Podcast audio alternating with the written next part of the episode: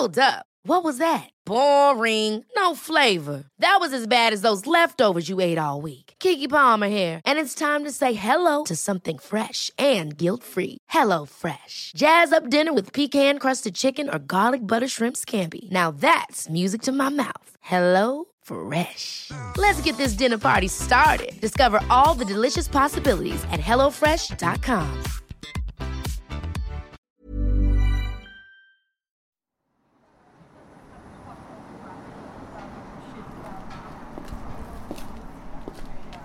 I dag kan du komme med på tur ind på Slottholmsgade nummer 10 i centrum af København. For her skal jeg nemlig møde Danmarks udlændinge- og integrationsminister Kåre Dybvad på hans kontor.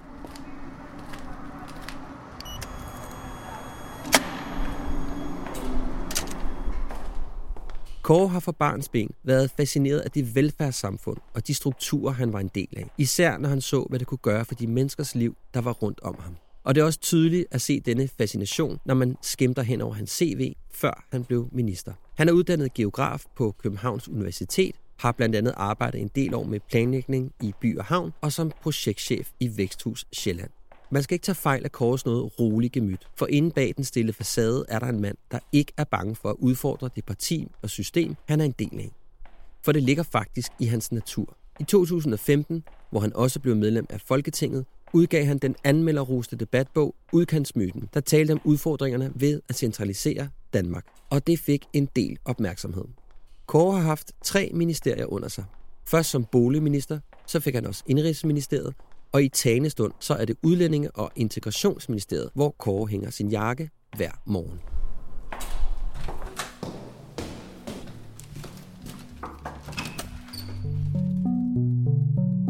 I dag skal vi ikke tale om udlændingepolitik eller integrationsreformer. Vi skal tale om, hvad der har formet Kåre til den mand, han er blevet i dag. Hvordan man jonglerer en af de højeste stillinger i det politiske system, og samtidig kan være nærværende i en relation med sin kone, som han har dannet par med nu igennem 18 år.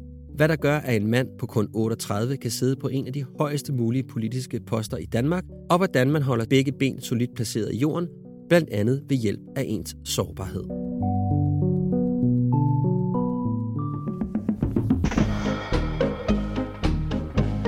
Hvad vil det egentlig sige at være en moderne mand? Og hvilke værdier skal man have styr på? Ikke bare for at have et godt forhold til sig selv, men også til sin partner. Disse spørgsmål og mange flere taler jeg om med mænd, som jeg finder inspirerende, og spørger ind til, hvad deres livserfaringer har lært dem. Alt sammen for at blive klogere på mig selv og min identitet som mand. Mit navn er Mikkel. Velkommen til Handkøn.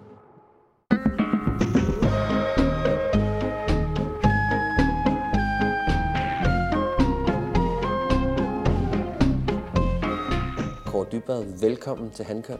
Tak for det. Fedt, du har lyst til at være med. Ja, ja men det er, jeg tænkte, det var spændende at prøve. Jeg, Ja, det er lidt mere, normalt er det mere sådan, øh, ja, sådan faktuelle programmer, jeg deltager i. Eller Ja. sådan politiske, så jeg tænkte nu, må jeg også prøve at udfordre mig selv lidt. Ja, og jeg synes, det er også interessant, at du siger ja, for det er, jo, det er jo rart, at man sådan kan komme lidt ned under og se, hvem, hvem filen er Kåre egentlig talt. Og vi sidder i dit meget, meget fine kontor Ja, med Anker Jørgensen lige herovre på vores højre side. det, jeg har et billede hængende fra øh, jordskredsvalget i 73. På et tidspunkt så kører Erhard Jacobsen tør for benzin. Ja. Og det betyder, at de mangler én stemme for at stemme deres lov igennem om ejendomsskat, og så falder regeringen. Ja. Og det der, det er fra et berlingske journalist, der har taget billedet lige det øjeblik, de finder ud af, at hele lortet ramler. Og, og 1973 er jo et vildt år, Ja. hvor oliekrisen kommer, hvor alt det, man har, sådan har bygget op i de der år, går i stå. Ja. Og så nogle gange, når jeg rigtig er nede over et eller andet, eller hvor jeg synes, at nogle ting går skævt for mig, så kigger jeg altid på de der. Kigger du på Anker? Ja, så kigger jeg på dem, fordi de var virkelig på spanden der. Så, jeg kan ikke være lige så meget på spanden, som de var. Nej, det er rigtigt. Men vi skal jo tale om. Ja. om de her fire værdier, som, som jeg altid taler med mine gæster om, øhm, som jeg lige ridser op for dig. Vi skal tale om ansvar. Hvad vil det sige at tage ansvar for sig selv? Ansvar for tilstanden af ens relation. Så skal vi tale om det at have et formål. Hvad er det egentlig, du gerne vil bidrage med til verden? Så skal vi tale om behov, og så skal vi tale om øh, sårbarhed. Det at kunne udtrykke sig selv, og det at kunne kommunikere ud fra sin sårbarhed. Så jeg plejer sådan at stille det der store universelle spørgsmål. Hvad er ansvar for dig? Øh, jamen, altså ansvar i forhold til ens relationer med andre mennesker, selvfølgelig især i et parforhold, handler for mig om, ligesom, hvor meget man tager ind, eller sådan, og hvor meget det, der ligger ude imellem to parter, som på en eller anden måde ikke er artikuleret, hvordan man sådan håndterer det. Øh, og specielt når man har børn. Jeg har ja. også øh, to børn derhjemme. Og, og der er jo en masse ting, som man sådan på en eller anden måde langsomt får taget til sig af ja. ting, som man skal stå for, og som man skal sørge for er i orden, og sørge for ligesom... Og der er jo selvfølgelig noget af det, som sådan ender med at blive lidt kønsstereotypt, eller sådan, men der er også noget af det, som er flydende, eller hvor man sådan bare forventer, at jeg står for, at der er rent i køkkenet for eksempel, og så står min kone for at vaske gulv. Hvis jeg lige pludselig begyndte at vaske gulv, så ville hun synes, det ville se mærkeligt ud, hvis jeg sad med lydopløsning der og sådan noget. Ikke? Og, og på samme måde kan jeg også godt se, hvad fanden er det, hun egentlig nogle gange kommer hjem, og så er der en anden, der står og flyder på køkkenbordet. Men så tænker jeg ligesom, om det plejer jeg at gøre. Så det er ligesom bare sådan, det er endt. Men så er der nogle ting, der falder ind imellem. Ja. Det har jeg brugt meget af mit liv på sådan på en eller anden måde at finde ud af, hvordan hvad håndterer man de der situationer og sådan noget. Meget af det, jeg har haft svært ved i mit liv, har også været i relation til andre mennesker, har været det der med hele tiden, hvornår er det, man tager noget, altså hvornår er det, du tager mange opgaver ind, ja. fordi du bare føler et ansvar for, at tingene skal fungere. Øhm, også selvom det egentlig er meget mere, end hvad du burde, og, og, og man gør det, fordi der er måske nogle andre, der tænker, hvis jeg lige lader den ligge, ja. så ender Kåre med at komme og tage den. Og hvornår er det, man selv er nær i med det, og, og i virkeligheden ikke opdager, at der ligger en masse opgaver, som man ikke selv på en eller anden måde øh, hvad hedder det, tager ind og, og, og sørger for på en eller anden måde bliver løst. Jeg taler meget om det der, det tredje rum. Ja. Altså der er ligesom sådan et, der er ligesom, det føles som om, der er ligesom sådan et rum, og det synes jeg er ret fint, du taler lidt ind i. Altså, hvordan løser vi ting sammen? Hvordan ja. tager vi fat i en kompliceret sag? Hvem tager først, fat ja. først? Hvem tager, øh, hvem tager brøden? Øh, hvem prikker hul på bylden? Altså, det, det synes jeg er en ret interessant ting, for det er jo tit der, hvor... Altså, det kan jeg også kende for mig selv. Altså, hvis jeg kigger tilbage på mine relationer, at det har været der, hvor man ligesom sådan skulle det har været svært at gå ind i, eller øh, du ved, at, at jeg taler ikke kun nødvendigvis om sådan de store, sådan katastrofale ja. ting, der kan være, eller svære kritiske samtaler, men også bare sådan helt ned til, okay, men jeg kan mærke, der er noget, der generer mig. Ja. Der ligger en lille sten i skoen, men jeg ved ikke lige, hvad jeg skal gøre med den. Altså, ja, men det er rigtigt, og det, ja, 100 procent, og, mm. Og der er også forskel på, altså nogle gange kan jeg blive vanvittigt frustreret, fordi jeg så siger, så aftaler vi, okay, den har du.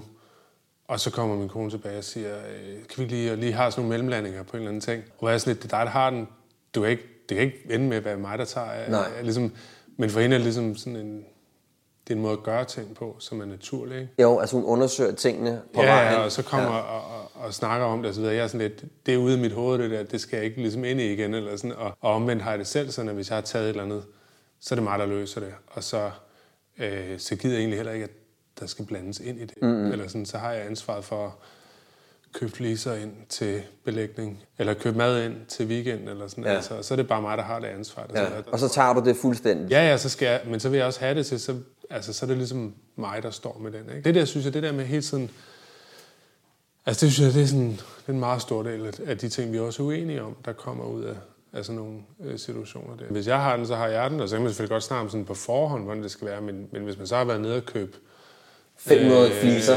ja, ja, hvis man så er ved at købe fliser 6 cm tykkelse, så gider man ikke at vide, at det ikke bedre med 5 cm, fordi så skal man tilbage. Og, ja. altså, og det er ligesom, og, og, i mange relationer, jeg har haft, har det også, og som jeg ser tilbage på, hvor jeg har haft, hvor der er ting, også ting, jeg ikke har været gode til. Altså det har ikke så meget været i parforhold, men bare sådan i relationer, når jeg har været politisk aktiv med folk. Altså ting, jeg har været dårlig til, men som, men som jeg føler på en eller anden måde, at, at jeg har endt med at tage, fordi der ikke var nogen der andre, der tog det. Ja. Og jeg har ikke været i stand til så at sige, øh, det her kan jeg ikke finde ud af. Øh, er det ikke bedre, at jeg, der rent faktisk er de mest erfarne, eller ja. dem, der egentlig måske bedst kunne finde ud af det, også ville gøre det, men, men så har jeg ligesom følt, at det, nu, nu er det sådan, det er. Så må jeg ligesom, og så er jeg endt med egentlig ikke at gøre det særlig godt. Det gik en del over, før jeg sådan fandt frem til, for det første, hvad jeg egentlig kunne finde ud af, men også øh, formåede sådan at sige til folk, det der, det, det, det kan jeg ikke, eller jeg vil ikke, eller jeg, eller jeg ved, at det bliver ikke godt, hvis det er mig, der gør det. Det er jo også et træk, jeg selv kan kende for mig selv, og det er jo også en ting, jeg, jeg faktisk også tit taler med mine klienter om. Ja. Det der med, at man tager for meget ansvar,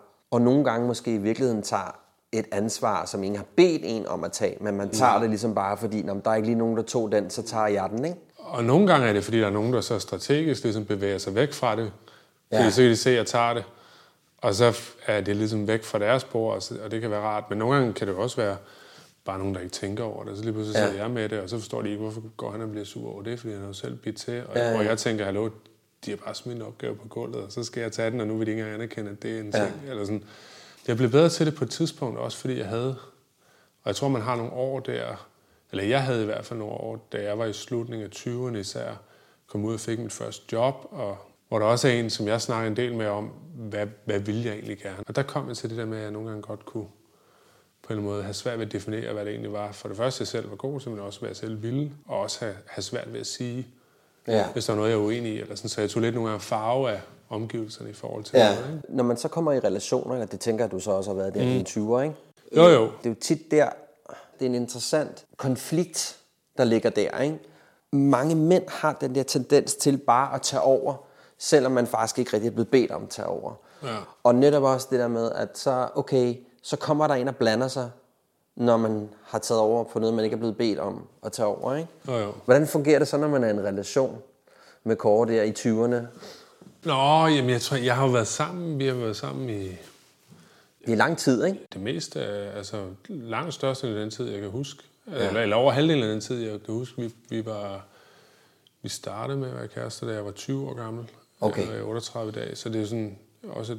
18 års penge. Ja, ja, og det har, altså, det har været altså, godt forhold, jeg har haft, og jeg holder meget af min uh, kone elsker hende. På den måde har man jo også været igennem mange perioder i sit liv sammen. Man også har haft forskellige måder at se ting på. Og det, der tror jeg i hvert fald, vi har udviklet, eller sådan, altså det er ikke sådan, at jeg går og tager en masse opgaver derhjemme, og det gør min kone heller ikke. Mm. Altså, fordi man ligesom også selv er kommet til det der med at prøve at finde nogenlunde ud af en måde, hvor man ikke, altså hvor man ikke går og, øh, og bliver alt for uvenner over de ting. Ja. Øh, det er mere, når der kommer nye ting, og når der er noget, som, eller hvis man er presset andre steder, og så man har de der ting, der ligger og flager. Og sådan, vi, har, vi har renoveret vores hus, for eksempel, og det er sådan, det er virkelig... En kælder. Jamen, det, og det er helt åndssvagt, fordi vi startede med at renovere en andelslejlighed, vi havde. Og så sagde vi efter det, det gør vi fandme aldrig mere. Og så, så kørte det en til. Så købte vi et sommerhus, og så renoverede vi det. Og så sagde vi, nu er det slut, og så købte vi, altså købte vi også et hus og renoverede Og så renoverede det. Og jeg ved ikke hvorfor, Ja. Man ender med at gøre det, men vi vidste godt, at vi ville blive super uvenner over det, og vi var virkelig uvenner over det nogle gange, men ja. det flyder bare, og du er ikke... Øh, ja. I 20'erne, ja. der begynder du sådan at finde ud af, okay, der er et eller andet her med den måde, som jeg ligesom sådan tager ansvar på. Hvad er det, der sker, tænker du der i 20'erne, der gør, at du lige pludselig begynder at, at ændre den måde, du ser dit, andet, dit eget ansvar på? Øh, jamen, jeg tror, det handler om, at jeg har... Altså, øh, det jeg selv helt læner mig op af, er, at det er sådan en eller anden lidt en skitse over noget lidt lykkepæragtigt. Altså, at, at jeg kommer selv fra, øh, fra landet og fra en meget almindelig familie. Øh, og min far havde et autoværksted, og min mor arbejdede på et sygehus som sygeplejerske. Og, der, øh, og så kom jeg ind i et miljø som universitetsstuderende, som jeg måske, øh, kan man sige, som jeg egentlig havde... Det var ikke, fordi jeg sådan fagligt synes, at det var vildt svært, eller havde problemer med at være der, men men jeg tror, i forhold til de koder, der var der socialt, mm. passede jeg nok dårligt ind der.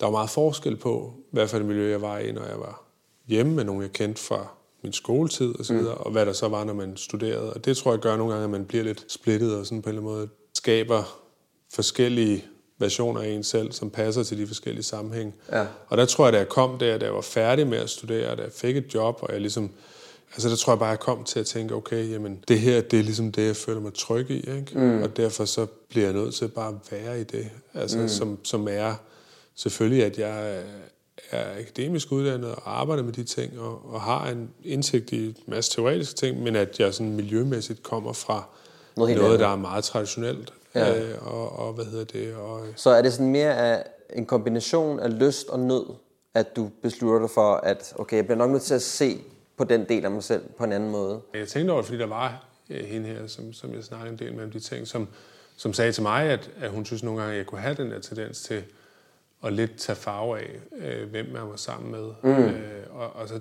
og så, der tror jeg, jeg læste Lykkepær der. Det var før den blev populær, før filmen kom og sådan noget. Men, og der kunne jeg se ligesom noget af det samme. Altså for, for den der følelse af, at man, at man egentlig øh, har det godt i et miljø, man ikke selv kommer fra, men at man på en eller anden måde også finder en ro mm. i at stå ved, øh, hvad det er for et miljø, der har formet en. Og det, det er jo svært at beskrive, fordi det er jo en enorm, det er en enorm masse sådan, følelser og øh, indtryk, men, men jeg tror, sådan, det, der kommer bedst tættest på, var, at SAS havde sådan en reklame for nogle år siden, hvor det var sådan en masse danskere, som når de så kom hen og så flyveren der i Shanghai, eller hvor de var i New York, eller hvor de var henne, så slappede de ligesom af, når man kommer hjem til Kastrup Lufthavn, efter at have været på ferie eller et sted i, på Gran Canaria, ja. eller, eller hvor man nu tager hen. Ikke? Mm. Altså, så, man synes jo, det var fedt at være afsted, men der er også noget ro i, at man ikke hele tiden skal tænke over, hvad er vekselkursen, og hvordan kommunikerer ja, ja. chaufføren og så. Og den der ro, tror jeg, jeg følte, den har jeg nogle ting, jeg, jeg føler i forhold til. En af dem, det er, når jeg, når jeg, når jeg på en eller anden måde har en forbindelse til et miljø, jeg kender, og også, også tager nogle af de værdier ind i den måde, jeg arbejder på. Mm. Jeg har en bekendt, som sagde til en fest, at hun synes, jeg var en af de mest binære mennesker, hun kendte. Og jeg er ikke sikker på, Hvad betyder det? Jeg er ikke sikker på, at det var sådan... Jeg tror også, det var halvt sjovt, men jeg tror, det er ikke, fordi jeg, jeg er 100% med på alt, hvad der er politiske tiltag. Det er heller ikke det, det skal handle om nej, her, nej, nej. Men, men, men hvad hedder det, for at sikre, at folk kan være dem, de vil. Men jeg tror, i forhold til sådan traditionel sådan forståelse af altså ens arbejde og ens... Sådan, ikke den måde, man kønsmæssigt er i sin familie, men bare sådan, sådan det at have det godt i et hus med to børn. Og ja, ja. Sådan, det, det tror jeg egentlig, jeg passer meget godt ind i. Da, da jeg var gift, vi havde nogle meget klassiske kønsroller. Mm. Altså, det var meget mig, der bankede med hammeren, og meget hende, der vaskede gulvene. Men vi talte om det. Altså, så det, altså, jeg synes jo ikke nødvendigvis, der er noget galt i det. Hvis bare man er enige om det, og mm. alle føler, at, det er, at deres rolle er fordelt, og man tager ansvar for det. Altså, jeg gik jo ikke over og spurgte hende, om hun synes, jeg skulle tage en, en 4-4-stolpe, eller jeg skulle planslibe den der flade med en korn 40. Altså, forstår du, mener? Mm. Og det har, altså... men, men jeg, er ikke, altså, jeg er ikke bange for det. Jeg synes heller ikke sådan... Fordi jeg synes jo også en del af... Eller jeg er ikke bange for at stå ved, at man selvfølgelig synes, er noget mere spændende end noget andet. Altså, når Præcis. jeg er i Bauhaus i, om søndagen og købe gipsplader, hvad man skal have. Altså, det, det er jo mest mænd, der er derude. Og det, er mm. jo, det er jo nok ikke fordi, at vi alle sammen lider af under en eller anden øh, repression. Eller sådan. Nej, det er jo nok også bare, fordi der er flest mænd, som synes, det er spændende, og jeg synes, ja. det er fantastisk, at der er kvinder, som gerne vil være bygningshåndværkere. Så det synes jeg bare, lad os endelig skabe ja, ja. muligheden for, at de kan blive det, men jeg ja, ja. tror bare stadig også, det er sådan, at der er flest mænd, der gerne vil være det, og det tror jeg også, det kommer til at blive ved med. Hvordan har du det med, øh, med kritik? Øh, ja, men det kan godt have det svært med. Altså, øh, jeg vil altid gerne have det... Altså, jeg, jeg ved, at jeg har brug for det. Det er specielt selvfølgelig, hvis det er noget sådan fagligt, eller sådan, jeg ved, at folk skal sige det til mig, og jeg opsøger også folk, der kan give mig det, som kan give mig det mm. ærligt. Men når de gør det, vil jeg altid gerne have det overstået meget hurtigt. ja, det kender jeg godt. altså, så de skal bare komme med det hele på en gang. Så du, så du kan absorbere det? Ja, så jeg ligesom kan få, få det på bordet, og så, mm. og så ved jeg, hvad det er. Eller sådan, ikke? Øhm, I forhold til parforhold, og sådan, er det nok sådan vennerelationer. Så der, der, er det, der tror jeg, jeg har det sådan, som de fleste også har. Det er selvfølgelig altid svært, hvis folk har et eller andet sådan ja. mere øh, sådan grundlæggende, de synes, man, man skal gøre anderledes. Ja, justere. Altså, ja, ja, men nogle gange er man jo nødt til det. Det er selvfølgelig sådan. Ja. Ja. Grunden til at spørge det, fordi det, det har været en af de ting, som, som har været ret øh, kompliceret for mig. Altså, jeg, ja. jeg synes, det var virkelig svært at få at vide, at der var et eller andet, jeg skulle lave om. Altså på mig selv. Det føltes i hvert fald meget som, det var sådan noget, du ved, Ja. Jeg synes ikke, at du ser mig, eller du ved, hvor man sådan, åh, det havde jeg virkelig, virkelig svært ved at, at tage ind, ikke? Mm. Fordi det, sådan, det, det føltes meget som om, at det var den måde, som jeg ligesom var tæt på, der var noget galt med. Kan du ja. følge mig lidt i det? Ja, det kan jeg godt føle, og, og der ligger jo også det i det, at hvis man får at vide, at man gør et eller andet på en åndssvag måde, eller, eller noget, man tager på, at tøj ser dumt ud, eller sådan, så tænker man også over, Nå, nu har jeg så gjort det i lang tid, uden ja. at jeg har tænkt over, at, at folk så har opfattet det som, som øh, forkert eller, eller dumt. Eller, ja, ja, ja. Altså, det, det synes jeg tit er det, der ligger i det også, hvor man kan sige, hvis det er en, mere sådan genst, altså en kritik af et eller andet en genstand, eller et eller andet, man har lavet eller produceret. Ja, ja. Altså, så kan man bedre sige, så må jeg blive bedre til det. Men hvis det er, at man, det ser dumt ud, når man pusser næse, eller hvad man kan forestille sig, så har man jo virkelig gjort det mange gange, hvor det har set dumt. ja, ja, men jeg tænker også bare, du ved, det er jo især det i relationen, ikke, hvor man, altså, hvis man får et eller andet at vide, det, det kunne jeg godt tænke mig blive justeret, ikke? Jo, jo. Altså, det, jo, jo, det får jeg da også til at vide. Men hvordan har du det så med det? Altså, bliver du... Jo, men nogle gange er det fair nok. Altså, det, nogle gange så er det jo rigtigt nok. Altså, man er endt med at gøre eller noget åndssvagt. Altså. Jeg, jeg har jo venner, som synes, at det, at det er helt sådan stilfærdigt, at man, at man har åben dør, når man tisser eller eller andet. Så ja, ja. Altså, det, der ja. er sådan, det, det, det, synes jeg er stramt. Altså, det, ja. det kan jeg ikke med. Der må godt være en form for intimitet, og, ikke? Øh, jo, jo. Og der synes jeg jo også, det er fint nok, at jeg får at vide, hvis jeg går ind et eller andet sted, eller begynder på et eller andet, som... En adfærd, din kone ikke går ind over, og hvor, og hvor mm. hun tænker, hey, det der, det skulle... Er I gode til sådan, synes du, når du kigger på det? Ikke vildt gode, altså, men, men jeg synes, hvis det... Altså... Sådan 18, 18 års øh, ja, ja, samarbejde? Jo, jo, samarbejde. jo, jo, jo men, men der er også nogle ting, hvor det bare er... at man bliver irriteret over et eller andet, som, som er ligegyldigt, og hvor man nok bare øh, burde sige... Ja. Altså, jeg synes ikke, det er ligegyldigt, hvis man sidder ja. og siger sig med åben dør, men jeg synes, det er ligegyldigt øh, i princippet, hvis man stiller et eller andet sted, hvor man synes, det skulle stilles et andet sted. Ja, og hvad det nu kan være til, ja. ikke? Altså, det er jo ligegyldigt. Når man sådan begynder at dykke ned i det, så handler det måske om nogle andre ting, ikke? Ja, det er, det er du nok ret i. Ja. Synes du selv, du er god til at justere på dig selv i din relation med din kone? Ja, altså det synes jeg på de små ting, synes jeg er det. Altså, Hvad så med de store? Jamen, det er tit sværere, ikke? Altså, og det, det kan være svært, altså nogle gange mm. forskellige måder at kommunikere på. Og... Jamen, I har også været sammen i mange år. Jeg tænker, jo, jo. 40 procent eller 45, jeg kan, huske meget, jeg kan ikke huske, hvad det var i 21, men der var en gennemsnit af sådan noget med nogle 40 procent, af, at vi bliver skilt. Ikke? Så 18 jo. år jo alligevel noget. Ja.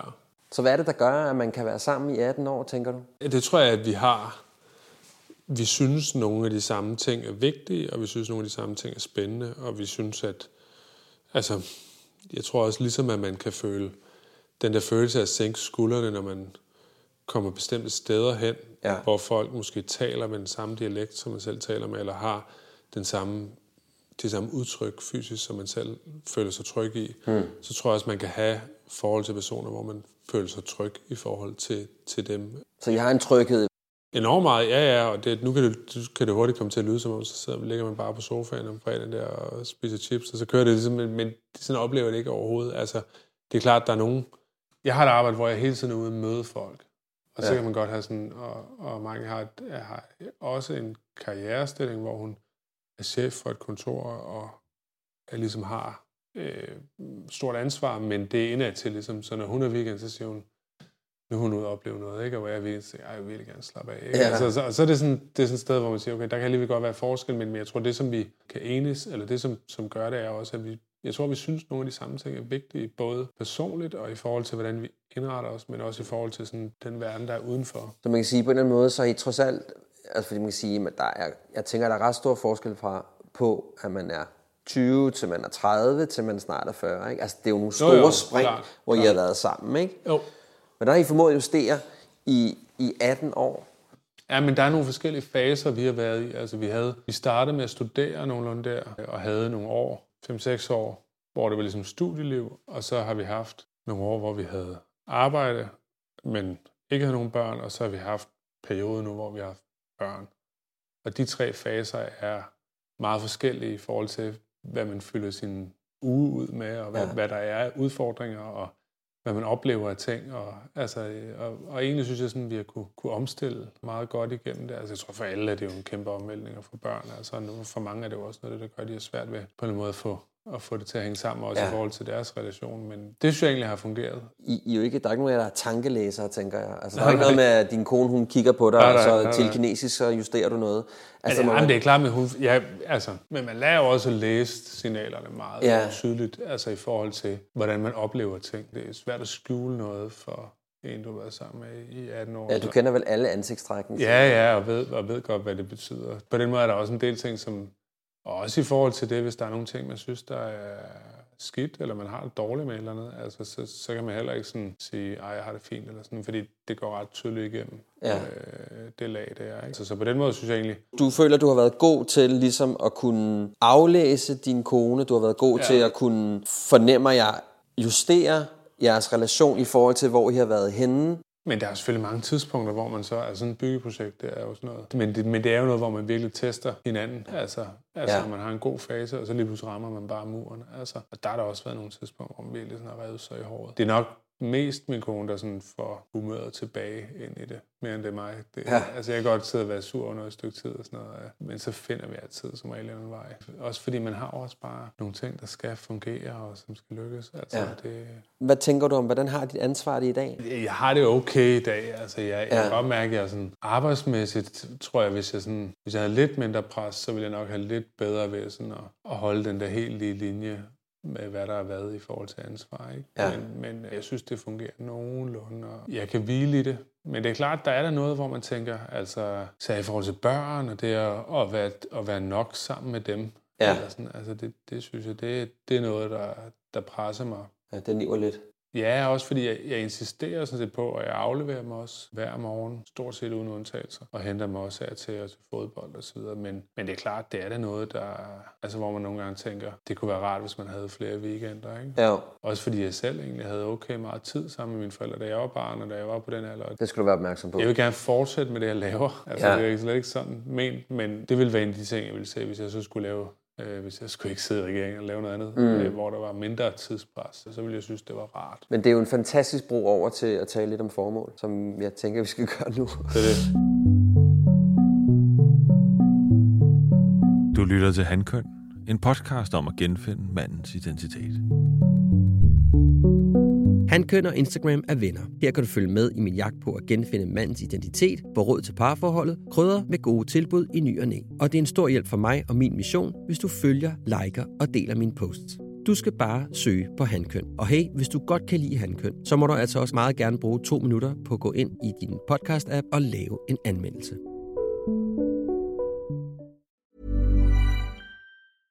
Hiring for your small business? If you're not looking for professionals on LinkedIn, you're looking in the wrong place. That's like looking for your car keys in a fish tank.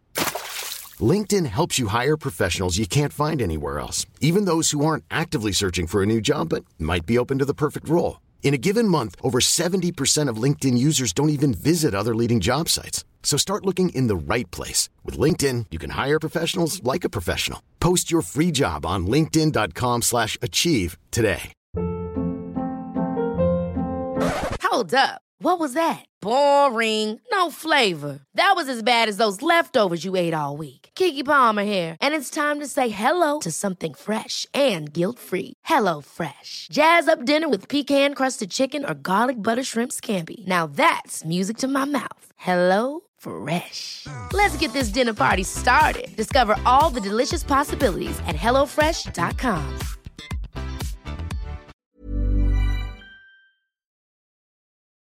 Og nu tilbage til episoden. Og nu sidder du jo ikke i et, hvad skal man sige, hvilket som helst kontor jo, i Danmark. Nej, nej. Du sidder jo på en ret høj post og er med til at forme det land, mm. vi øh, bor i. Har du gjort dig sådan grundlæggende tanker om, hvad det egentlig er, du gerne vil bidrage med? Da jeg kom ind i politik, så man starter jo altid meget generelt med at synes, at noget er spændende også. Altså, jo, både at man vil forandre noget, men også at man synes, at det er spændende og Mm.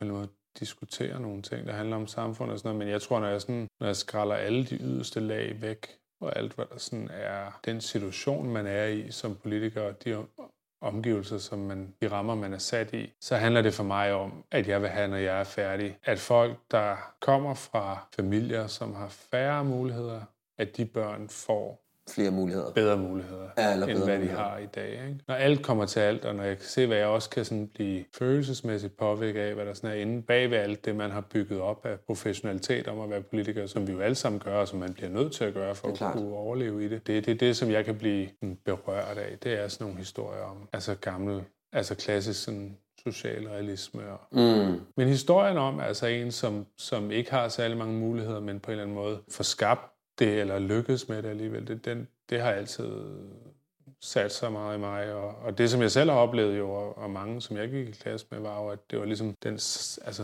nogle af de institutioner, vi har i vores samfund, skoler, og mm. børnehaver, fodboldklubber osv., som på en eller anden måde skabt vilkårene, som gjorde, at vi i virkeligheden klarede os bedre, end hvad Ja. ja. vores sådan, social baggrund Ja, ja. nødvendigvis burde gøre os til. Ikke? Så, så tanken om, at man kan komme fra noget, hvor man ikke har særlig meget, og så få muligheden for Ja. at kunne få meget mere. Eller gøre det Ja, bedre, eller hvad skal og i man hvert sige? fald, hvis man er, øh, altså, og man får mulighed for at udleve det, som Mm. man kan, og, og det er jo, nogen har jo selvfølgelig større muligheder end andre, Ja. ja. også uanset hvad for en baggrund de kommer fra, men, men grundlæggende, at der er en retfærdighed i, at det er dem, der, der også har mest evne til noget, som også kommer hen til det. Ikke? Hvordan tænker du, det er formet? Altså, hvor kommer den idé? Altså, med på, at det er også en, selvfølgelig en meget sådan, socialdemokratisk. Jo, jo. Jeg kommer ikke fra nogen socialdemokratisk familie. Altså, Nej. jeg, er ikke, altså, jeg tror, min far har stemt på Socialdemokratiet for det meste. Øh, men, men, øh, men det er ikke, der er ikke nogen, der er medlem af partiet. Nej, jeg tror mere, det er den anden vej rundt. Altså, at det er fordi, jeg kommer fra det miljø. Altså, de voksne, der jeg boede med i Viborg, hvor jeg voksede op, var jo, var jo folk, der typisk kom ud fra landet. Ja. Og ikke havde haft særlig meget at gøre med. Og så havde de ligesom fået mulighed for at bo i et parcelhus og købe en Opel Kadett, og, ligesom, mm. og deres børn gik i en flot skole og kom ned til skoletandlægen og fik rettet deres tænder, og det var ligesom at ned i fodboldklubben, og der var flotte flot idrætshal, der lige var blevet bygget osv. Det var ligesom, det var ligesom en ny verden på en eller anden måde for, for den generation, som ja. blev skabt i de der år i 70'erne og 80'erne. Og det fik vi som børn ligesom del i, fordi det var os, der ligesom voksede op i det. Og så tror jeg, at vi fik mange flere muligheder end det, som, som alle mulige andre havde haft. Jeg tror, der var det var i, jeg tror i 7. klasse blev vi lagt sammen med en anden skole, og der kom den første forældre til forældremødet, som havde en akademisk uddannelse, som var gymnasielærer på, på Stenhus Gymnasium. Ellers ja. så alle andre var havde ikke altså, nogen uddannelse på den håndværkere, eller arbejdede i en bank, eller okay. i postvæsenet, eller sygeplejersker, skolelærer, pædagoger og sådan noget. Men altså sådan den der virkelig brede gruppe, og der, det havde de fået, fordi man havde bygget det op, og mm. deres børn fik muligheder. Da jeg var helt ung, der, der synes jeg jo, det var spændende med sådan, altså ligesom tror jeg, de fleste har det, at man, man synes, at, at det der er, er noget skrald, og det skal brændes ned, og man skal ligesom bygge det op igen og så videre. Ja, ja. Det er jo ikke sådan, det Socialdemokratiet står for, kan man sige. Altså, nej, nej. og der, hvad hedder det, øh, og der tror jeg, jeg er blevet kaldt tilbage i en eller anden, eller sådan en mental forstand, i en eller anden forståelse af, at den der sociale mobilitet, og det at sikre, at, at folk har det, øh, og der er en retfærdighed i, hvad for nogle roller i samfundet, man får tildelt, og den retfærdighed, altså at det ikke bygger på, at man har nogle privilegerede forældre. Jeg blev politisk aktiv, da jeg startede gymnasiet, og, og hvad hedder, da jeg gik i gymnasiet i hvert fald, og, det, og jeg, hvad hedder det, og jeg vidste jo godt, at jeg var venstreorienteret, fordi det var de ting, jeg synes, der også var spændende, og jeg var imod Irak-krigen og gik ind for ordentligt miljø, og alle de ja, der ja. ting, som man også går ind for. Når man, ja, ja, du, ja, du kender også mm. mange af parolerne. Ikke? Men jeg tror, det var først, da jeg kom lidt på afstand af det, at jeg kunne se forskellen på, hvad muligheder folk havde i deres liv. At der også var nogen, der ligesom faldt igennem det. Ikke? Mm. Starten af 20'erne, da jeg læste en del litteratur og gamle danske klassikere, det, der, der tror jeg på en eller anden måde, jeg fik en forståelse af den der altså sådan langvarige arbejde hen imod et samfund, hvor, at, at, hvor der er en retfærdighed i forhold til, mm. hvem der bestemmer. Og hvem. Så jeg fornemmer også, at du har sådan en, en tålmodighed om projektet. Nå, ja, ja. Det, jeg tror også, jeg... Altså, det, sådan var jeg måske ikke før i tiden, men jeg tror også, at når man bliver ældre, så bliver man jo også lidt mere sådan... Man ser jo også alle de fejl, som der bliver gjort, når man laver sådan nogle hurtige beslutninger. Ja, ja. Og at det er bedre måske at, at, Tage sin tid. at komme halvdelen af vejen, og at det så fungerer. Ikke? Ja. Altså. Nu får du 130 millioner kroner af mig.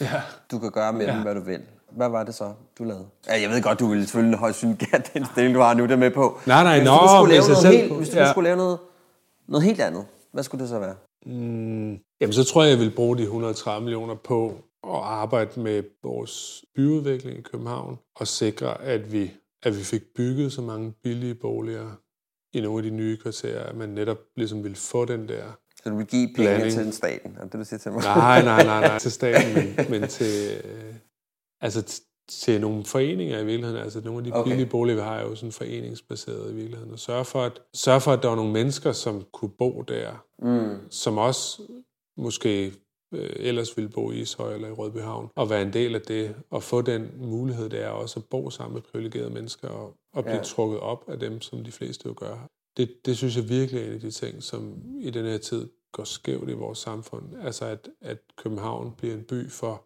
øh, for folk, der har øh, gode indkomster, eller som er kommet ind på det rigtige tidspunkt, mm. en andelsbolig eller en ja. ejerbolig. Ikke? Altså, så det er ikke skovhugger, du ville være, hvis det var, at du... Nå, nej, nej jeg, tror, jeg tror, det kunne være spændende at være skovhugger et stykke tid, men jeg tror også på et tidspunkt... Jeg du vil vende tilbage til det? Ja, fordi det, ja. Fordi, det, fordi det, det er det, du brænder for. god til os, og der, og der er et eller andet krydsfelt imellem, hvad man øh, kan finde ud af, og hvad man, øh, hvad man øh, brænder for, og hvad folk ja. vil betale ind for. Ikke? Altså ja. de tre cirkler skal på en de rammer ind i midten et eller andet punkt, hvor du både kan finde ud af det, og folk vil gerne betale for det, mm. og, og du brænder faktisk også mm. for at gøre det. Ikke? Så jeg fornemmer faktisk i virkeligheden, at det har været sådan ret ja, binært, for at bruge det udtryk, som ja. din gang til. Nå, men altså, det virker som om, du har haft sådan ret... Nå, nej, jeg har ikke haft planlagt, at jeg skulle komme ind her. Nej. nej det, det, det er meget tilfældigt, at det ender sådan i virkeligheden. Men, men det er rigtigt nok, at når du stiller det op på den måde, kan jeg godt se, at der er sådan en eller anden... En meget rød tråd, ikke? Der er noget strukturelt nedunder, og, og det er også en af de ting, som jeg egentlig tit er frustreret over, det der med, at folk... Jeg synes, der er for meget enkeltsager og for meget puljer, som bliver givet til et eller andet, og for meget tunge strukturer, mm. der virkelig gør en For du har en høj retfærdighedssans, kan Ja, man sige klart. det? Ja, ja, jamen, Ja. det har jeg. Og nogle gange har det også været for meget, og jeg har også, når jeg kigger tilbage på mit liv, kan jeg også se nogle situationer, hvor jeg bare skulle holdt min mund. Altså, hvor jeg, Ja. Hvor kommer den der retfærdighedssans fra? Hvorfor er du så retfærdigheds... jeg ved det ikke, altså, nej, altså, jeg, jeg øh, Er dine forældre, eller er det... Nej, nej, nej. Jeg tror ikke, mine, mine forældre går ikke meget op i sådan de ting. Altså, ja, min mor er meget øh, enormt begavet, øh, men, øh, men er ikke en, der, der sådan er meget stedig med tingene, eller, eller sådan mm-hmm. fast i sådan... Så det er egen, det er, egen, det er egen juice? Ja, det er det nok. Mm. Mm. Øh, meget det er. Øh, min far kan godt være sådan lidt principiel i det, men, men ikke sådan... De har begge to, mine forældre, mødt hinanden nede i Afrika i, i sådan et øh, udviklingsprojekt, der Okay. dernede. Så de har jo haft sådan et engagement i Det samfundet. lugter der lidt af, at man har en interesse i, at man... Jo, jo, bestemt. Men, men jeg vil sige, da jeg var barn, var det, altså, det var ikke sådan... Fordi, altså, jeg tror, at vi vidste jo godt, hvem vi holdt med, ligesom. Ja. Altså, sådan tror jeg, sådan havde jeg fornemmelsen af. Også når, når, når, når min far havde venner på besøg, og de snakkede om politik og sådan noget, men, men det er ikke... Mine forældre, de har ikke været i Afrika og hjælpe afrikanske børn eller familier. Nej, nej. Jeg tænker, der ligger der et eller andet der, som måske har inspireret dig til, Ja. at der er noget, nogen, der har det måske mindre godt, end jeg har det. Ja. Jamen, det kan godt være. Jo, jo, jeg, jo. Måske. Jo, men jeg tror i forhold til det, du sagde omkring, om, om jeg sådan har fundet en vej til at skulle sidde her, eller sådan, så, så var det ikke... Altså, jeg stillede op til Folketinget i 11 og var... Øh, altså kom ikke ind der. Og der var jeg egentlig klar til at lave noget andet. Altså, så det er Ja. ikke fordi, det sådan har været for mig. Jeg At du til- skulle være... Nej, jeg havde en jobsamtale, hvor jeg sagde, hvor han spurgte mig, direktøren, om, om jeg så ville opgive at være folketingskandidat, fordi der var Ja, ja, ja. også lidt politisk kontakt og sådan noget i det der job. Og det var jeg sådan set klar til det dengang. Så var jeg heldig ved valget efter. Ja, Eller heldig, jeg var også, det var også hårdt arbejde. du må kunne et eller andet jo. Ja, ja, nej, men det var også hårdt arbejde. Det er hårdt arbejde at stille Ja. op til Folketinget, uden at være kendt i forvejen. Det, det kræver virkelig sved, og jeg svedt meget, altså igennem, ja. gennem mange år. Men Det er da gået meget godt. Ja, det er gået meget godt, og omstændighederne var med mig. Mm. Både i 2015 kom jeg lige præcis ind der, og, og også i 2019, da jeg så var så tæt på, øh, eller havde den erfaring, som gjorde, mm. at jeg så også blev minister der. Så på den måde, har altså politik er, der er altid nogen, der også bare er heldige. Ja. Øh, og, og, altså, hvor to, der er lige dygtige, har arbejdet lige hårdt, men den ene er bare på det rigtige sted. Ja, rigtige ja. ja der, er held, der skal være held i sprøjten, ikke? Jo, jo. Ja. Men man kan sige, jeg tænker da også, at det, det har hjulpet ligesom at sige, jamen, jeg ved, hvorfor jeg laver det. Jeg har en interesse Ja, ja. i, at alle. Ja. ligesom, så, så lige meget hvad jeg laver, så har jeg ligesom den der sætning over min dør, ja. at der, jeg har en interesse i at hjælpe til, at der er, alle har lige muligheder. Ja. Ikke? Det er rigtigt. Og folk har jo også på de arbejdspladser, jeg har været på, har jo også vidst, at jeg var socialdemokrat og så videre. Det er jo ikke fordi, at jeg har jo også, også når folk, der har været nogen, der har været borgerlige, hvad de har været, har det jo også altid været meget sjovt at diskutere politik med Ja, ja. på sådan en hyggelig måde. Men jeg synes, det der er forskellen på at være det i, en, i et almindeligt job, og så at være det øh, som politiker, det er jo det der med også, som jeg siger med, at om man siger tingene klart, hvor man står, ranker ryggen i det, og ligesom Ja. går ind i det, eller om man nogle gange også tager lidt farve af, hvor rummet er henne. Altså, når så længe folk går i Holbæk går ned og stemmer på mig, når der er folketingsvalg, så ved jeg også, at jeg har ligesom mandat til at, til, til at sige det, sådan som jeg Ja. faktisk synes det er. Altså. Og det er virkelig behageligt, fordi det er der jo bare mange arbejdspladser, hvor man af alle mulige årsager ikke Ja, ja, kan gøre. Altså, Ja, du kan stå mere rent, ikke? jo, jo, og, Ja. og det giver en ro, synes jeg også, ja. øh, inde i en.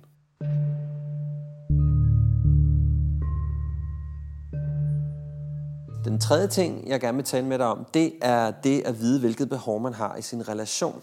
Og øh, det er følelsesmæssige behov, jeg taler mm. om. Og det vil sige, det handler ikke så meget om, at du har brug for at cykle, eller træne, eller spille øh, dart med dine venner. Det handler om at vide, hvad er det egentlig for nogle ting, jeg har brug for, for at min partner ser og anerkender, at jeg eksisterer, og jeg kan have en relativt høj integritet. Det jeg tit oplever, i hvert fald i mange, både dem jeg taler med, dem jeg coacher, det er, at det er tit der, hvor der ikke bliver taget stilling. Altså man får ikke rigtig taget stilling til, hvad det egentlig er, jeg gerne vil i relationen. Og så nogle gange, så har det jo ligesom en tendens til, at så begynder man ligesom at søge ud andre steder, eller ja. Det går galt, fordi man ikke er i kontakt med hinanden på den måde. Har du gjort dig nogle tanker om, hvad for nogle behov du har i din relation med din kone? det er ikke noget, jeg går og tænker over, sådan, men jeg tror, jeg har, jeg tror, jeg har behov for også at blive lyttet til og være i et rum, hvor, hvor man er sikker, eller sådan, og hvor man kan... Man kan være tryg. Ja, og hvor, mm. og hvor der er, altså, øh, man ikke bliver udfordret hele tiden, for det gør man Ja. virkelig meget, når man har det job her, og det, ja, det er svært, fordi der er meget ens hverdag, eller min hverdag, der går med alt muligt praktisk, der skal ordnes, og, og det der rum, der er, kan, kan godt være svært øh, at skabe mm. øh, nogle gange. Hvordan skaber man et, et trygt rum derhjemme, synes du så? Jamen, jeg synes, øh, nu bliver det meget sådan fysisk, men jeg synes, der er de to steder, hvor man bedst taler sammen, det er, når man går en tur, eller når man kører bil sammen. Ja. Og det er sådan... Øh, Så, så I danner nogle, du danner nogle ja, du rammer har for, sådan at en eller anden rum for at Ja. ja. tale meget frit. Og jeg synes især det, som jeg har behov for nogle gange, det er at kunne sige ting, som er inde i mig, men som jeg næsten ikke tør at sige, at jeg, hvis man er misundelig på en eller anden, eller, Ja. eller hvis man har et eller andet, som man godt ved er sølle, og man har behov for på en eller anden måde at kunne sige det, og, og kunne være i det, ikke? Altså, Mm. Eller hvis der er en eller anden irrationel frygt for nogle ting, som, som man godt ved, det kommer ikke til at ske. Eller sådan, Man har bare brug for at komme af med det, ikke? og- Ja, man har brug for at lukke det ud. Mm. Øhm, tit kan jeg have lyst til at bare køre en tur i en bil, bare for at kunne have det rum. Ja, Altså- med din kone. Ja, ja, Eller er alene. det så. Ja. Men- nej, nej, ikke alene. Nej, nej, alene. Nej, så, nej, hvis jeg kører alene, så hører jeg radio eller sådan noget, så er det noget andet jo. Og så kunne bare lige være sikker. Ja. ja. Men det er også klart, når man går en tur, men tit har man jo børn Mm. med og så videre, så ender det Ja, også ja. med, at det er dem, der får opmærksomheden, fordi det skal man holde styr på, ikke? Og så bliver det sådan nogle lidt halve samtaler. Det der med at kunne have et rum, et trygt rum, hvor du har muligheden for at sige, prøv at høre, jeg ved godt, det her det er måske lidt irrationelt. Jeg ved godt, det er måske ikke så fornuftigt og så videre i den her verden, hvor vi skal være så fornuftige, men jeg har ligesom x, y, z, jeg har brug for at tale med dig om. Ja. Fordi jeg har oplevet det her, eller jeg, du sagde ja. det der forleden dag, eller... Ja. Det er trygge Ja, ja, præcis. Og følelsen af, at ja, ja, netop også, at, at 100 års gang kan læse. Hvis jeg siger et eller andet, hvad det så er, jeg sådan egentlig har lyst til at sige, men som, kan sådan, som bare vil være pinligt at sige i andre sammenhænge. Eller sådan Ja. noget. Det der, det synes jeg, der har vi eller andet. Der er en god forbindelse. Ja, virkelig, og, og, og det er noget, jeg virkelig har behov for, fordi der er, når man er i, tit i politik, så er der jo så mange lag oveni, af Ja. hvad der foregår, ikke? Ja, altså der bliver lyttet til, hvad man egentlig siger, ja. Ja. og der så kan sige, hører jeg dig lidt sige ja. Ja. det der. Ja, ja, præcis. Ja. Altså, man kommer hen til det. Så der er også noget måske, det der med at kunne være lidt uperfekt Ja, sammen ja, med din jamen, det kan være, det også det, ja. Ja, ja, det er jo sådan, folk er. Altså, det er jo ikke sådan... Nej, det er jo det, er jo det vi alle sammen er. Ja, ja, og, Ja. ja. og øhm, Hvad med sådan noget med, altså jeg har jo for eksempel sådan noget med, at øh, jeg har brug for at lege. mm, Altså, bogstav, altså fysisk lege med min partner. Altså Ja. det kan være at spille tennis, eller kaste en karklud i hovedet på hinanden, eller har I et legende element i jeres relation? Mm, nej, ikke, nej, det har vi ikke på samme måde, tror jeg. Nej. Altså, men vi har sådan, altså, øhm, vi holder enormt meget af at gå og kigge på bygninger Ja. og snakke om det. Ja. Vi interesserer os meget begge to for Arkitektur. arkitektur og ja. øh, sådan detaljer, som når jeg siger det til nogle andre nogle gange, så bliver det sådan helt... Så tænker de, hvad, hvad er det? Hvorfor snakker du om den tavle? Altså, ja, et eller andet. Ja. en af de første gange, hvor jeg tænkte, at jeg kunne godt være kærester med hende, det var en, en gang, hvor vi havde, vi skulle skifte tog i Roskilde, og der var, tror jeg, tre kvarter imellem de der to tog. Og så sagde jeg til hende, om ikke vi skulle gå en tur der. Og så kiggede vi, og jeg, jeg kender jo byen, og har gået i gymnasiet der, og, så, mm. så, og så fortalte jeg om de der forskellige små byhus og gamle kirker og sådan noget. Det, det tror jeg sådan var også en af de første gange, hvor jeg tænkte, der var en eller anden forbindelse, som gik Ja. ud over bare, men Ja. Så den der fælles interesse, det der, man kan gå og nus med noget, og forstå ligesom, at man har en eller anden samhørighed i... ja. Altså, man kan lidt holde i hånd inde i Ja, det der. ja, ja, ja. Ja. I en verden, som, hvor du sjældent møder nogen, der synes, det er... Der er også noget fin tryghed det, tænker jeg også, ikke?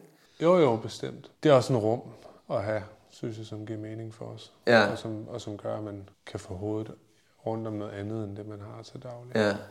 Der er jo lidt tematik i dag med nogle rum, kan jeg mærke, ikke? Men altså, men, men, altså I, I, du, du får et rum, for eksempel, I danner et rum sammen i bilen, eller når I går en tur eller et eller andet. Udtrykker du så, at du har brug for det rum? Nej, det, det, nej, det, det tror Det jeg kommer bare sådan helt... Nej, men nogle gange kan man godt have lyst til at gå en tur. Eller, men det er også, jeg tror sådan... Nej, det er måske ikke sådan så tit egentlig. Men jeg tror ikke, det er sådan, jeg tænker, nu vil jeg gerne snakke om noget. Eller nu vil Nej. jeg gerne, men det er sådan, når man så er, vi har som et sommerhus, som vi kører op i, og, og når man så er i bilen, så altså kommer det bare tit noget af det, man har liggende Ja. bagved, som på en eller anden måde ubearbejdet for vores begge vedkommende. Altså. Ja, det kan virkelig være rart nogle gange. Ja, vi laver lige en hurtig op. Ja. Vi laver en hurtig resume her, ikke? Der er noget med, at øh, du har brug for at have et trygt rum. Du har brug for at kunne være uperfekt i virkeligheden også, ikke? Altså at kunne sige, jeg har de her tanker, har de her mm. følelser. Det, mm. Altså jeg tænker, at det er i hvert fald meget fint, synes jeg, det der med, at I har det der sammen, I har nogle ting sammen, mm. som, altså I kan dyrke noget meget specifikt, altså en tagrende mm. på en mm. gammel bygning, eller... Jamen, det er sådan noget Ja, på det niveau. og hvad der så ligesom ligger i af metalag, for at Ja. bruge et meget flot ord, ikke? I det, ikke? Jo. Jo, jo, og der er, altså, og det er jo noget, som er enormt tilgængeligt, fordi det Ja. ja. hvor man er, kommer altid gående forbi, eller hvor man synes, at en eller anden sokkel er for høj, eller, Ja. ja. eller Ja, ja, er et fag for meget på vinduerne. Eller Ja, skulle man ikke lige forkorte den? Ja. ja. Hvad så med humor? Altså, nogle gange kan man jo bruge humoren til sådan at tage toppen af noget, eller du ved, sådan, man kan grine lidt af. Ja. at den anden er lidt strid ved en. Jo, jo, eller, jo, jo, jo, altså, jo, jo. altså ved, fordi der er nogen, Jo. hvor, hvor at, du ved, man fornemmer lidt, at man skal ikke lave sjov, men, fordi der er ligesom ikke, der er ikke så meget... Øh, Ej, men det er nok mest hende, der laver sjov med mig, men Ja. nu har vi, som siger, været sammen en del år, og, og jeg tror også, hun har ligesom fornemmet, hvornår man kan lave det der sjov, eller sådan noget. Så tit, så, så rammer ja. det egentlig meget fint. så hun ved godt, hvornår hun skal, ikke skal lave pis med dig. Ja, jeg tror, ja, det er jo også an på, hvor, hvad det er for en ting, ikke? Altså, Jo. hvor dybt det stikker. Ja, man står ikke, hvis man står og er dybt ulykkelig, så begynder at hente det hurtigbruden frem. Ej, men jeg gør det også nogle gange. Det er også en god måde nogle gange at komme videre fra et eller andet, ikke? Folk har været. Men for også en til at se en, sig selv lidt udefra. Ja, humoren? Ja, når man ligesom karikerer Ja. en, hvis jeg er utilfreds over et eller andet, hvis man så karikerer det og siger det. Altså, ja. Kåre, bla bla bla. Ja, ja, ja, ja, men du ved, hvad jeg mener. Altså, så ser man også, hvad det er, man egentlig sidder og er sur over, så tænker man, okay. Men det er jo præcis det, jeg synes, humoren kan. Ikke? Den, den kan ligesom sådan, du ved, okay, måske skal jeg tage mig selv så højtidligt. Er det virkelig så vigtigt, det her? Ikke? Altså, men at tillade, at der er en humor i relationen, mm. det, tror jeg, det tror jeg faktisk Jo, er jo, ret vigtigt. det synes jeg bestemt ikke? også, vi har. Altså. Og jeg synes også, det er meget rart, det der med, at man sådan, at det er nogle af de samme ting, man synes, der er sjove. Eller Ja. Det gør det også nemmere nogle gange. Ja, ja. Nå, men det tror jeg, der er også en enormt vigtig ting. Altså, jeg havde sådan på et tidspunkt, så jeg havde jeg sådan en regel, der hed, vi skal begge to kunne lide rød. Og ja. Ja. det, jeg mener med det der, og det er også derfor, det er så fint, I har det der sammen. Ikke? Altså, Ja. man, det, det dur jo ikke, hvis det er, at du synes, det er mega fedt at tage til Lalandia, og hun hellere vil på Biennalen i, i Venedig. altså, kan du følge mig lidt? Ja, ja, udmærket. Altså, ja, det, det kan godt være, det er dødcharmerende i starten øh, af ens relation. Man bliver nok ja. Ja. nødt til at indse, at der er nogle ting, man bliver nødt til. Der, ja, der er, en, der er en, et rum for, hvor meget man kan skubbe til hinanden. Så nu er jeg ligesom gået med til at tage til Gran Canaria i vinterferien. Ja. Selvom jeg sådan, fra starten af synes, det var åndssvagt. Ikke? Så må tage ansvar for det jo. Ja, ja. Og så har hun gået med til, at vi i sommerferien var i England og rundt i Nordengland i en autocamper og se på forfaldende industribyer og sådan noget. Ja. Det er ligesom, det var sådan det, jeg kunne strække hende til. Eller sådan ja, det er da også noget en stræk, vil jeg sige. Ja, vi var også, vi var også nede i sådan det smukke Sydengland, så det var, Okay. så det var sådan lidt, det var også lidt, det blev en kompromistur. Men i kompromis, begge to kunne leve med. Ja, ja, ja, men jeg synes, ja, ja, jeg synes, det er spændende at være sådan nogle Ja. steder, næsten uanset hvor det er. Altså LaLandia for eksempel, der er jeg tit med, eller et par gange om året er der med, med nogle gode venner og nogle Ja. fædre, hvor vi så har børnene med. Ja, ja. Men jeg kan godt se, at der er, en- der er nogle ting også i relationer mellem voksne og børn sammen, hvor når man er kun mænd, så bliver det nemmere på en eller anden måde. Ja, men vi har, jeg tror måske også, det er, fordi vi har... Jeg tror, der er lidt mere... øh, Det er lidt, jeg oplever også i hvert fald, det kan godt være lidt mere friktionsløst, og det bare er, der er sådan lidt mere... Ja. Det hele er en stor budding, Ja, ja, der er ja. blendet sammen, Jamen, ikke? det er heller ikke sikkert, det er der, hvor der er sådan de fleste grænser for ting. Og, og Nej, det er, vi, det er vi øh, nok heller ikke så gode til, hvis du skal være helt ærlig. Du lytter til Handkøn, en podcast om at genfinde mandens identitet. En anden mand, der har et lignende formål om, at de svageste skal have en chance, er serieværksætteren Martin Thorborg. tingene er startet godt ud, og så er jeg på en eller anden måde, øh, at tingene bare er gået i en eller anden retning, hvor jeg mistede mig selv. Du finder link til hans afsnit i show notes, eller der, hvor du lytter til dit handkøn. Sårbarheden, som jo er en ting, jeg synes, jeg har været meget nysgerrig på i lang tid, fordi det gik op for mig, hvor meget at sårbarheden i virkeligheden kan. Det at kunne være sårbar over for sin partner, også over for sine venner og sine kollegaer osv., men det at kunne være det, fjerner bare en masse problemer, fjerner en masse fnider. Det er en enorm effektiv måde at være sammen på. Klassisk og historisk set har sårbarhed jo ikke været noget, som var en dyde, som mænd skulle tage sig specielt meget af. Øhm, hvordan har din sårbarhed det? Øhm, jamen, jeg tror, jeg, jeg er egentlig sådan meget klar over, hvor jeg er sårbar. Jeg synes også godt, jeg kan snakke om det, men det er klart, at jeg, både med min kone selvfølgelig, men, men også øh, med nogle af mine venner, altså, men det er klart nok, det er, jeg tror, der, skal, der er en eller anden barriere, man skal over, eller sådan, Ja. ja. sådan har det i hvert fald i forhold til, hvor man kan, altså før man kan snakke om det, der sådan er helt Hvad er det for en barriere, tænker du? Jamen, det er sådan en følelse af, om jamen, så godt der kan være nogle år, eller det har det i hvert fald været for mig, hvor, at- hvor man også på en eller anden måde, eller i nogle relationer, konkurrerer lidt med folk, som man jo gør, og, og, og som ligesom er også, eller måler hinanden op i forhold til hinanden, eller sådan noget. Der synes mm. jeg, det, man skal ligesom bag ved det, og man skal også vide, at dem, man er over for, også gør det samme. Ja. Altså, og, og når du er der, og det, det er man, det er jeg i hvert fald med, med, med øh, nogle af mine venner, altså, så, så kan man også, synes jeg, tale åbent også om, hvor man selv synes, at Ja. man ikke gør det godt, og, og har udfordringer med nogle ting. Men den der barriere er jo også interessant, ikke? Fordi, altså, det, det tænker jeg jo, det er jo både sådan en kulturbarriere og en social barriere, ikke? Altså, vi har ligesom lært, det er ikke noget, man sådan skal gå ind i. Altså, mm. hvordan, hvordan var det med sårbarheden hjemme hos dig, altså, da du var yngre? Var det noget, som var tilgængeligt? Ja, det synes jeg egentlig. Og jeg har ikke, øh, nej, jeg har ikke følt, at, man ikke, at jeg ikke kunne være det. Øh, og jeg, øh, det er klart, når man går i skole, øh, så er der jo, når du kommer op af i klasserne, også en lidt hård stemning tit. Og det er klart, der er man jo ikke, der er det jo ikke der, man udstiller Nej, det er ikke det, man lyst til at og sårbarheden. græde, vel? Men, øh, men det er ikke, altså, i- det er jo, i, mit- hvor jeg voksede op, har det egentlig ikke været en, en udfordring sådan, mm-hmm. at få rum til det. Jeg tror, jeg selv har haft svært ved det. Øhm, Hvorfor tror du, du har haft det? jamen, jeg tror, jeg har altid haft behov for også at, at vise, hvad jeg kunne, og, øh, og hvad hedder det, blive anerkendt for det.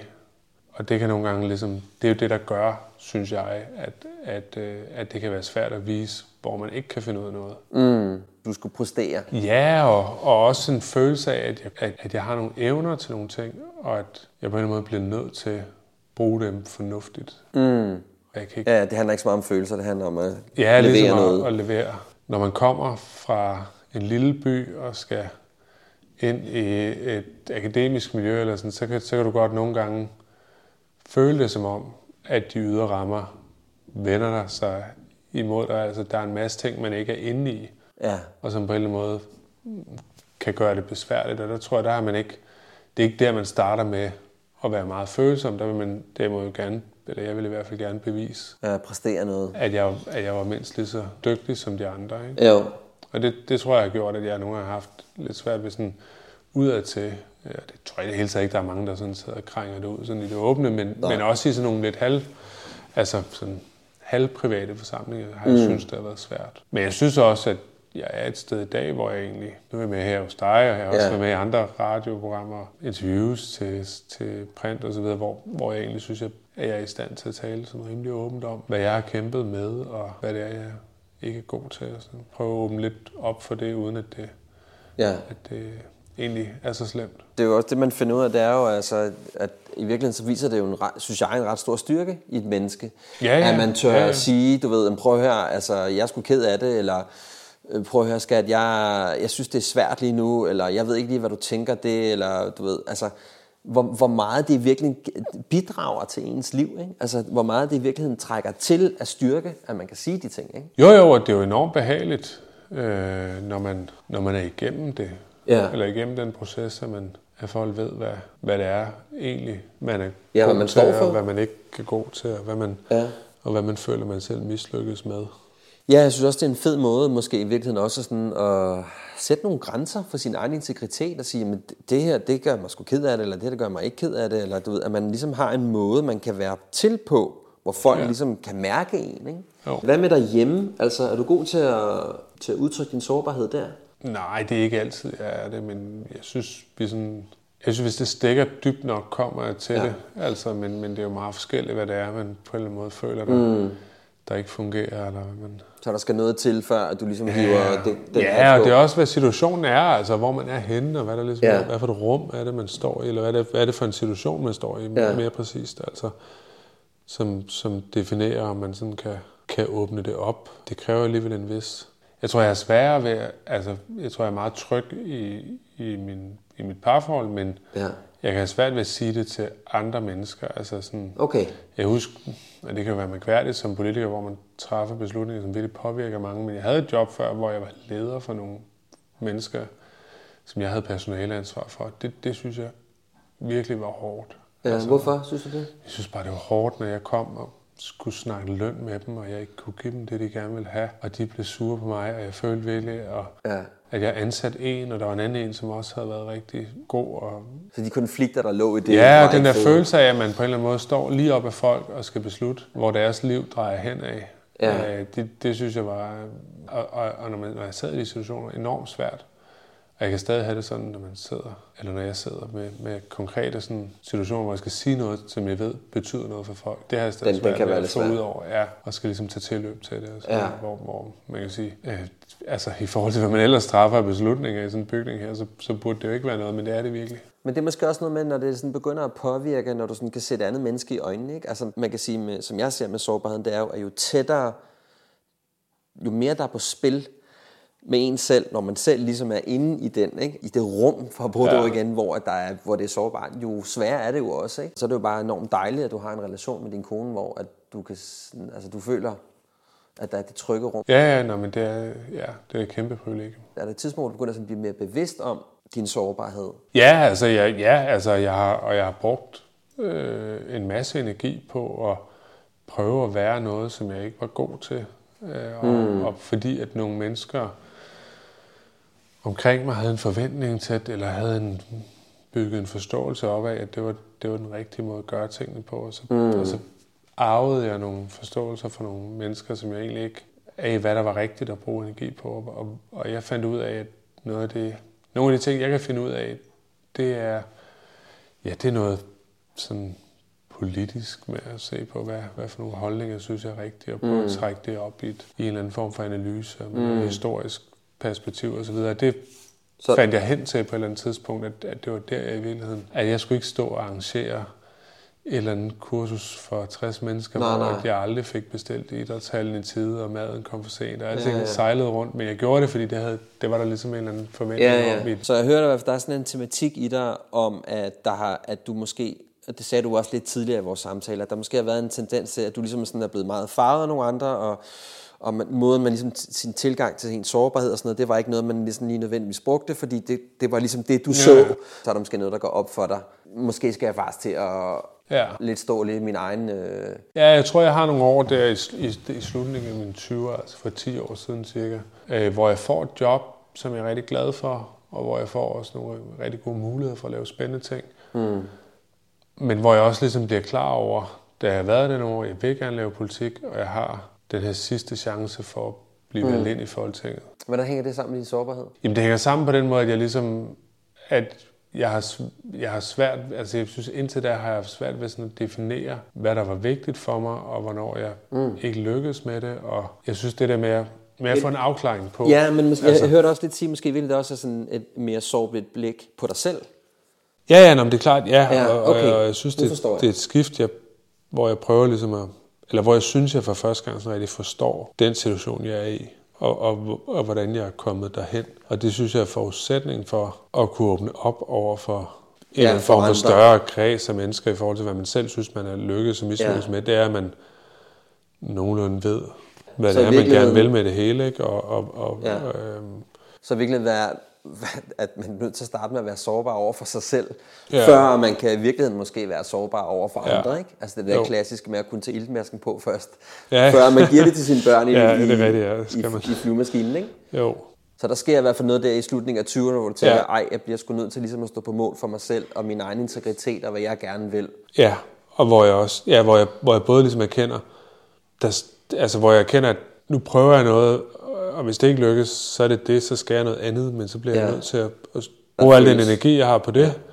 Og jeg ved også godt, at jeg kommer til at blive uvenner med nogle folk undervejs, men jeg bliver nødt til at ligesom ja. Stå på mål for mig selv. være det, ja, og, og hvad hedder det, og hvis det så lykkes, så er det fantastisk, hvis det ikke lykkes, så skal jeg noget andet, så, så kan jeg ikke blive ved med at være halvt noget og halvt noget andet. Det er da en spændende anerkendelse af sig selv. Ja, ja men det, det føles også øh, meget rigtigt. Altså, ja. jeg skrev en bog i 2015, hvor jeg, som jeg udgav om sådan udkants Danmark og de problemstillinger, der er der. Ja. Men det var det, du stod på Og mål for. det, ja, det stod jeg på mål for Ja. og, og troede på, og, og hvad hedder det... øhm, Ja, og det fik også nogle andre mennesker til at sige, der er en, som vi tror på en eller anden måde har noget at byde på, Ja. og som ikke bare, altså som, som på en måde også skiller sig ud fra Ja. ja. andre. Ikke? Så din sårbarhed kan faktisk bruge det. Ja, det kan man sige, ja. ja. Men det er da en fantastisk måde at afslutte vores samtale på, tænker jeg. Ja. Er det ikke det? Jo. Eller hvad tænker du? Jo, jeg synes, det er super. Ja. Det har været spændende at være med i hvert fald. Ja, og Kåre, tusind tak, fordi du gad, at, at, at du tog dig tid til at tale med mig. Og Ja, du har lyst til at åbne lidt op for, for posen. Så tusind tak. Jamen, tak for invitationen.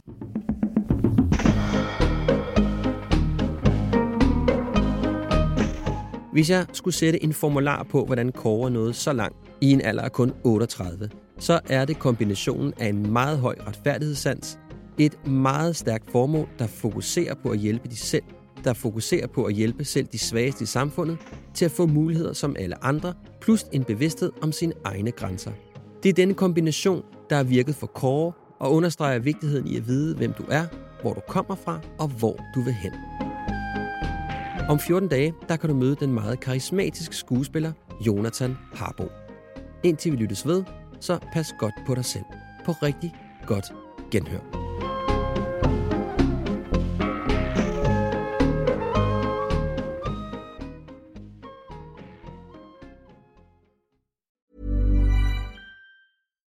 Hi, I'm Daniel, founder of Pretty Litter. Cats and cat owners deserve better than any old fashioned litter. That's why I teamed up with scientists and veterinarians to create Pretty Litter. Its innovative crystal formula has superior odor control and weighs up to 80% less than clay litter.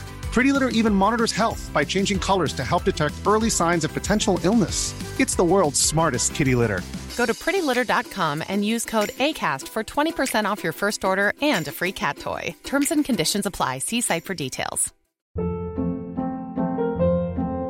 Hold up. What was that? Boring. No flavor. That was as bad as those leftovers you ate all week. Kiki Palmer here, and it's time to say hello to something fresh and guilt-free. Hello Fresh. Jazz up dinner with pecan-crusted chicken or garlic butter shrimp scampi. Now that's music to my mouth. Hello Fresh. Let's get this dinner party started. Discover all the delicious possibilities at hellofresh.com.